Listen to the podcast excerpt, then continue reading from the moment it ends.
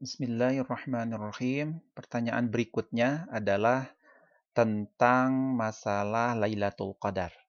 Ya di sini, Pak Ustadz mau nanya, apakah Lailatul Qadar itu hanya diperuntukkan bagi orang yang iktikaf di masjid saja?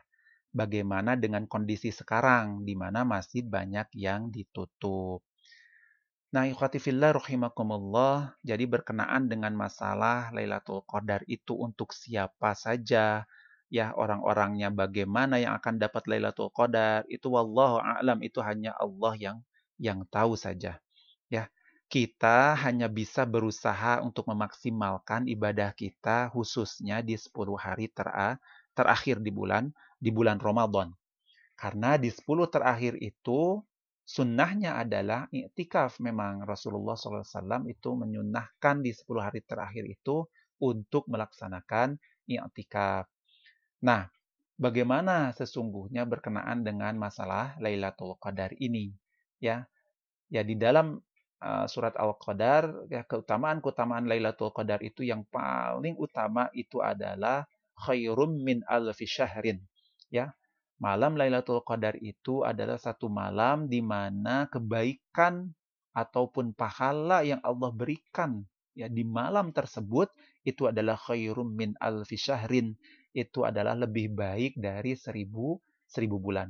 Lebih dari 83 tahun. Dan itu lebih baik Allah katakannya dengan khairun. Bukan sama dengan tapi lebih baik. Jadi artinya bisa lebih. ya Dari seribu bulan itu bisa lebih. Itu hanya Allah yang yang tahu dan hanya Allah yang nanti terserah Allah. Itu uh, hak prerogatif dari dari Allah.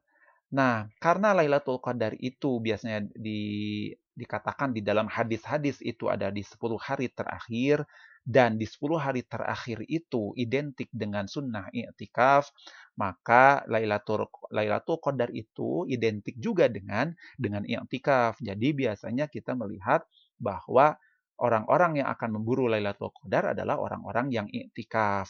Nah, ini tidak salah tentunya karena ini merupakan memang sunnah, sunnah yang dicontohkan oleh Rasulullah Shallallahu Alaihi Wasallam. Karena ketika kita iktikaf, kita bisa terjaga lebih lama di malam harinya dibandingkan ketika kita tidak tidak iktikaf. Oleh karena itu, biasanya dengan iktikaf itu biasanya kita akan maksimal terjaga di waktu di waktu malamnya. Apakah itu dengan kiam, ya apakah itu dengan tilawah, apakah itu dengan zikir, apakah itu dengan doa dan sebagainya. Jadi artinya bisa maksimal ya ketika kita dengan dengan iktikaf tersebut. Nah, sekarang dengan kondisi kita yang sekarang sedang eh, wabah pandemik ini, masjid-masjid juga banyak tutup. Nah, bagaimana misalnya dengan iktikaf kita?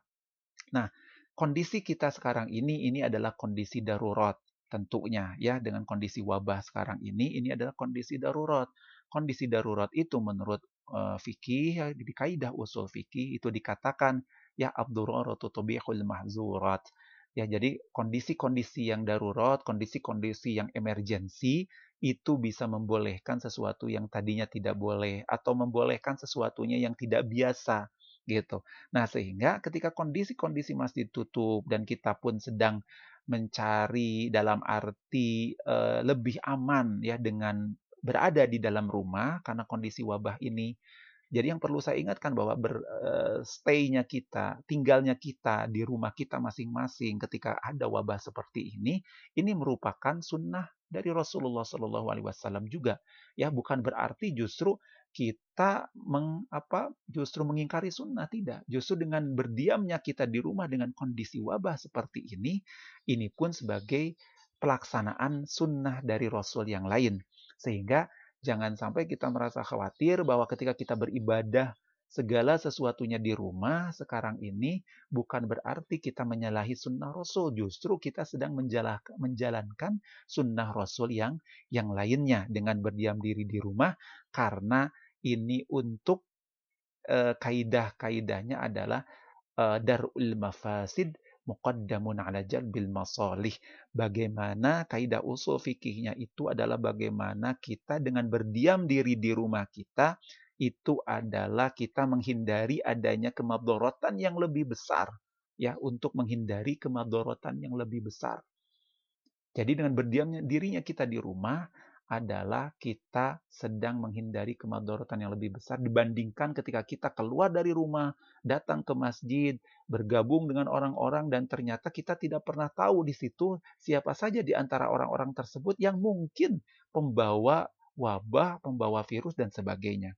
Oleh karena itu, untuk menghindari kemadorotan yang lebih besar, itu lebih dianjurkan daripada kita melaksanakan sebuah sebuah kemaslahatan. Nah, kembali dengan masalah itikaf tadi, dengan kondisi kita sekarang ini yang berada di rumah, tentunya jangan sampai putus asa. Berdiam dirinya kita di rumah ini adalah sebagai bagian dari menjalankan sunnah Rasulullah Shallallahu Alaihi Wasallam juga. Jadi, husnuzon saja pada Allah, tetap tingkatkan amal ibadah kita di rumah, khususnya di 10 hari terakhir. Dan kalau perlu iktikafnya kita adalah di di rumah kita dengan keluarga kita semua. Kita iktikaf di rumah. Meskipun memang tidak ada contohnya iktikaf di dalam rumah, tetapi ini kondisi daru darurat sifatnya. Kondisi darurat itu adalah membolehkan atau membolehkan dan membiasakan dari hal-hal yang tadinya tidak boleh ataupun yang tidak biasa. Nah, oleh karena itu, dengan berdiam dirinya kita di rumah, niatkan saja kita itikaf, lakukan amalan-amalan itikaf yang biasa kita lakukan di masjid, tapi sekarang kita lakukan di di rumah kita masing-masing dan husnuzon pada Allah, tawakal saja pada Allah, serahkan pada Allah karena yang yang memiliki hak untuk memberikan ya Lailatul Qadar itu itu illallah hanya hanya Allah Subhanahu wa taala. Kita pun tidak pernah tahu ya siapa yang Allah yang yang menurut Allah layak untuk diberikan Lailatul Qadar.